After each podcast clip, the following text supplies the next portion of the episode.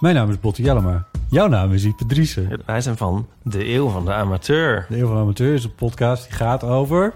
Alles. Het is een eh, podcast over levenskwesties die je niet kunt googlen. Een soort licht neurotische blik op het leven. Het is een podcast met humor. Jezus. Kijk, een grapje. Die, die vragen durft te stellen en die je ook onbeantwoord durft te laten. Mooi. met een regenboogvlagje. Dat, dat noem je queerbot. Dat uh, regenboogvlagje, dat klinkt echt als een soort... Eh, ik bedoel, iedereen is welkom. Kom ons luisteren in je favoriete podcast-app.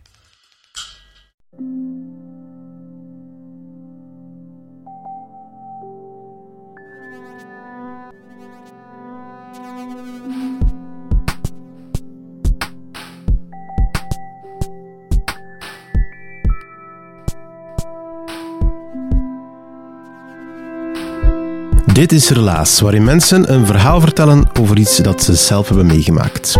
Dat is een hele hoop in een mensenleven, dat moet ik niet vertellen. Sommige dingen die zitten helemaal van boven in je hoofd en die kan je op elk moment bovenhalen. Bijvoorbeeld de geboorte van een kind of zo. Andere herinneringen die zitten heel diep verscholen, ergens in de diepste krochten van je hersenen. En het wonderbaarlijke is dat je soms echt niet veel nodig hebt om die ineens weer tevoorschijn te halen. Ik help mij daar bijvoorbeeld bij door elke dag een paar woorden op te schrijven in mijn digitale dagboek. Eigenlijk is de naam dagboek niet helemaal waardig, maar kom. Een soort digitale notities die ik maak van mijn dag en dus ook van mijn leven. En soms dan scroll ik daar nog eens door en dan weet ik bijvoorbeeld ineens weer wat er gebeurd is een paar jaar geleden op die dag. Je weet wel, Facebook helpt je daar ook eh, mee. Toch in ieder geval van de voorbije tien jaar die ik heb meegemaakt. Dan verschijnt er zo'n foto ineens in je timeline van kijk, dit heb je zes jaar geleden gedaan. En dan hangt daar hopelijk een heel verhaal aan vast.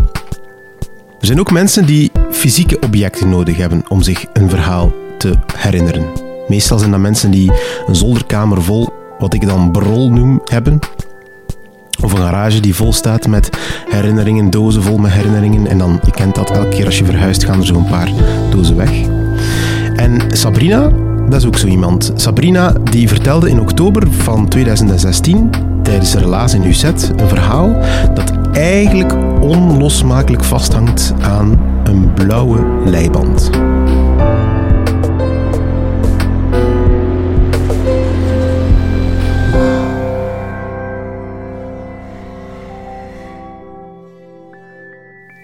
Toen ik zes jaar was, dan had ik een rode mand.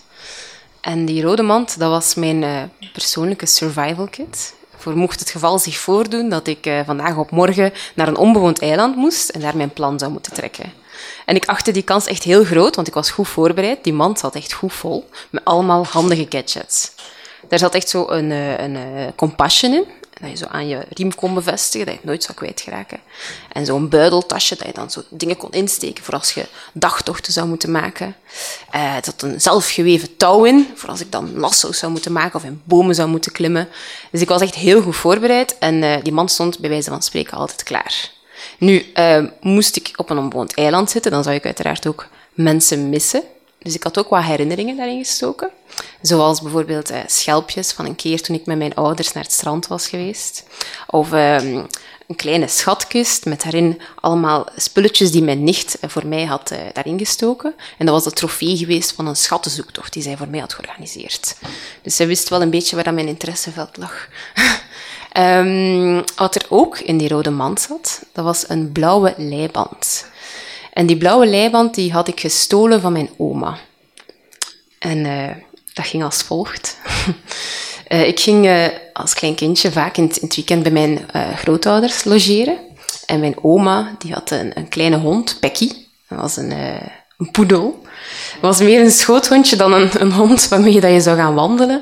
Eh, en die was ook altijd bij haar en knuffelde die vaak. En, eh, op een bepaald moment dacht ze, kom, nu is het tijd, we gaan gaan wandelen met de hond. Wat hebben we nodig? Een leiband. Dus ik en mijn oma naar de winkel om een leiband. Oké, we staan eh, voor dat rek. En wat zie ik daar? Een prachtige blauwe leiband van zo leer en met zo'n gouden afwerkingsje. En alles aan die leiband denk ik, ja, dat is hem. en eh, ik was ja, zeer, zeer nadrukkelijk. Mijn oma was nog aan het twijfelen, zou ik niet iets anders nemen, iets dat wat praktischer is, want dat leren en zo. mm. Maar eh, ik moest dat zijn. en mijn oma had like, een beetje door dat ik nogal gebrand was op die leiband. En eh, die had dan voor mij ook een leiband gekocht, want die dacht, ja, hm, anders komt het misschien niet goed. En je moet weten dat ik geen hond heb. ik heb vier katten thuis. dus het moet wel extreem geweest zijn. Eh, goed en wel, die leiband dat ze voor mij had gekocht, dat was echt een B-model. Was totaal niet mooi. Dat was een Schotse ruitjespatroon, eh super lelijk afgewerkt. En ik dacht, zeg, dat is niet goed genoeg, hè? dus ik had het plan opgevat om s'nachts, eh, nadat ik in bed was gelegd door mijn grootouders, ehm, de leibanden te gaan verwisselen. Stiekem. Nu ja, ik was zes jaar, dus het was acht uur toen ik in mijn bed lag. Het was dus nog, nog klaar buiten. En ik was op mijn stiekem naar beneden ge- ge- gegaan, de trap af. Ehm, super stil de living binnengeslopen. En mijn grootouders die waren tv aan het kijken. Dus ik dacht, ha, die zien mij niet. En eh, de, de aankopen die stonden nog in de zakjes achter de zetel. Dus ik heb stiekem die twee dingen verwisseld en terug naar boven. Nu, ehm, ik was niet zo stiekem als ik dacht dat ik was. Want eh, aan het einde van dat weekend, toen dat ik naar huis ging, eh, toen pakte mijn oma mij vast en toen fluisterde ze in mijn oor. Ik weet wat je gedaan hebt, maar je mocht hem houden als je er goed voor zorgt. En op dat moment besefte ik dat dat, dat dat heel absurd was, dat ik per se die leiband wou, omdat ik dus geen hond had. En ik voelde mij zo betrapt, dat ik dacht, eh, oei, shit. En eh, dat was het moment waarop ik besloot om de leiband eigenlijk een beetje te koesteren als een soort van reminder van, nee, nooit meer doen. Eh, datzelfde jaar nog is mijn oma gestorven. Dat was mijn lievelingsoma, dus dat was wel moeilijk. Ehm, en mijn opa, die, die trok het niet meer alleen in dat grote huis. En die moest naar een eh bejaardentehuis, rusthuis. En ik en mijn ouders en mijn onkel, wij stonden voor de taak om dat grote, gigantische huis leeg te halen. En ehm, ondanks het feit dat dat, dat dat moeilijk was, was dat ook stiekem heel leuk. Want nu mocht ik in al die kamertjes en al die kastjes gaan kijken wat er allemaal zat. Allemaal plekken waar ik daarvoor nog nooit had mogen zijn. Laat staan rondneuzen, laat staan dingen meenemen. Dus eh, voor mij was dat een goede periode om die rode mand nog een beetje aan te spijzen. en ehm, een beetje de trofee van het huis, dat was eh, in een tussenruimte hing een soort eh, pijl aan de muur, heel hoog. En ik dacht, ja, dat is. Hè. Als ik iets nodig heb op dat onbewoond eiland, dan is die een pijl. Hè. dus ik had daar mijn zinnen op gezet, maar dat was buiten mijn onkel omgerekend. Die, ja, die was dertig, een man alleen. En hij had pakweg iets meer claim op die pijl dan ik als zesjarig klein meisje. Dat zei ik dus ja, de pijl ging aan mijn neus voorbij. Maar ik had nog een troostprijs. Ik had namelijk die leiband. En Pekkie de hond, die was overgebleven. Dus dacht, één en één is twee. Ik neem Pekkie mee naar huis. Pekkie gaat voortaan bij ons wonen. Eh, maar dat kon niet doorgaan, want, zeiden mijn ouders, Pekkie was weggelopen. Op dat moment was ik beetje boos op mijn ouders. Ik dacht, allee, zijn jullie nu zo onverantwoordelijk dat jullie de deur laten openstaan en een hond laten ontsnappen? Zo moeilijk is dat niet, om daarop te letten. En eh, het heeft tot mijn 16 jaar geduurd dat ik heb beseft dat de hond niet weggelopen was, maar ingeslapen was. En mijn moeder die, eh, was dan vergeten dat ze mijn blaasje wijs had gemaakt, want die was groentjes aan het snijden in de keuken en vertelde langs haar neus weg. Oh ja, toch wel jammer hè, van Pekkie dat we hem toen hebben moeten laten wegdoen. Want ja, we kunnen daar niet voor zorgen hè, met ons vier katten, dat zou moeilijk geweest zijn. Hè. en ik was compleet overdonderd. Ik dacht, wat? Becky had nog pakweg tien jaar bij mij kunnen blijven. Ik had nog tien jaar die hond kunnen knuffelen, like dat mijn oma had gedaan. En dat, ja, een levende herinnering kunnen zijn. Dus ik was een beetje misnoegd, laten we het zo zeggen.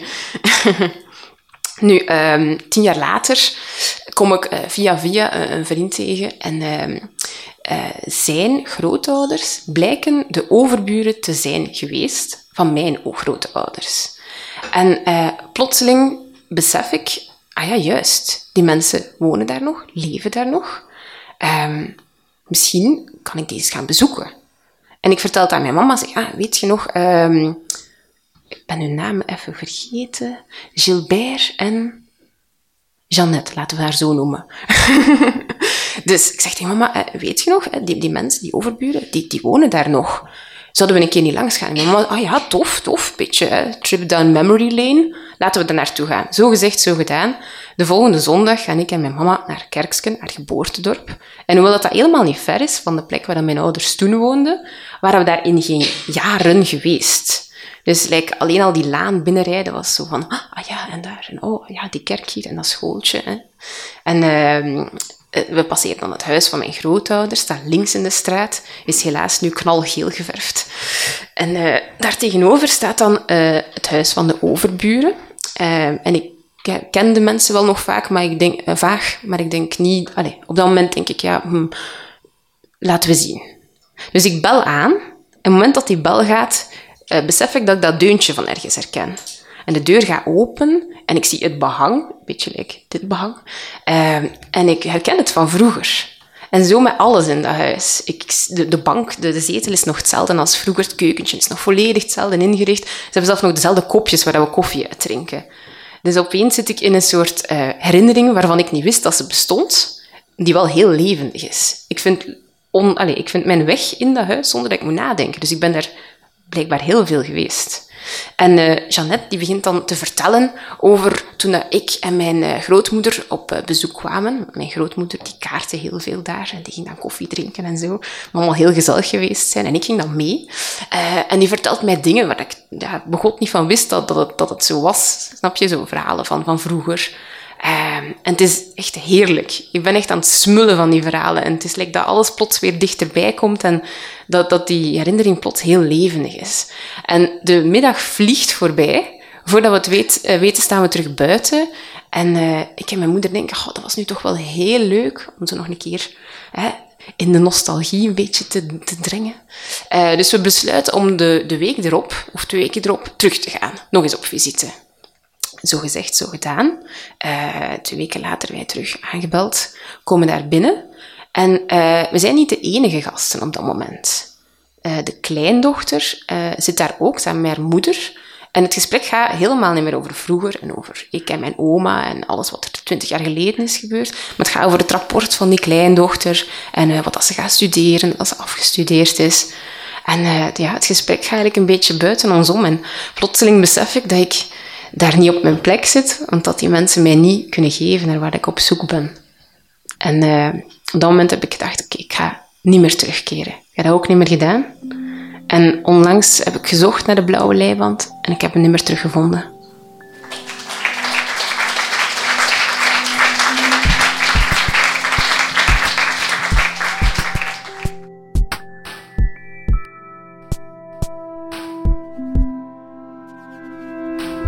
Dat was het relaas van Sabrina. Ze vertelde het in Huzet in Gent op een van onze vertelavonden. En ik weet niet of ze ergens nog een foto heeft van die blauwe leiband of van die mand. We gaan het haar vragen en dan gaan we die hopelijk op onze Facebook zetten. En dan als over een paar jaar die mand voorbij komt in mijn tijdslijn, dan zal ik zeggen, ah ja, dat was het verhaal van Sabrina tijdens de relaas in Gent. Iedereen heeft wel een verhaal uit zijn jeugd dat in zijn geheugen gegrift staat. Uh, maar niet iedereen kan het mooi vertellen. Maar als jij iemand kent die dat wel zou kunnen, of je kan dat zelf, een verhaal uit je jeugd of maakt niet uit, een verhaal dat vasthangt aan een voorwerp, aan een herinnering, dan mag je ons dat altijd laten weten. Uh, we zijn altijd op zoek naar nieuwe vertellers. Dat kan via onze website www.relaas.be of via Facebook ons gewoon een berichtje sturen en dan uh, nemen wij verder contact op met jou. Op onze website kom je ook alles te weten over ons, wie wij zijn, wanneer de volgende vertelavond is, want je kan uh, Relaas live komen meemaken tijdens een van onze maandelijkse vertelavonden. En je kan er ook alle andere podcasts beluisteren. Dat zijn al een hele hoop mooie verhalen. Relaas is er dankzij Stad Gent. Onze partners zijn Urgent FM, Pulp Deluxe en REC. Relaas wordt gemaakt door Dieter van Huffel, Timo van de Voorde, Sarah Latré, Philip Cox, Evert Saver, Charlotte Huigen, Marlin Michels, Anne van den Abelen, Kenny Vermeulen, Sarah de Moor, Anneleen Schelstraten, Ruby Bernabeu Plaus en ik ben zelf Pieter Blomme. En dankzij jullie natuurlijk. Jullie zijn onze luisteraars, jullie zijn onze ambassadeurs van Relaas. Deel onze verhalen mee en dan ben je voor ons evenveel waard als iemand die meewerkt met Relaas. Want dankzij jullie gaat onze podcast dan de hoogte in. Bedankt om te luisteren en tot de volgende Relaas.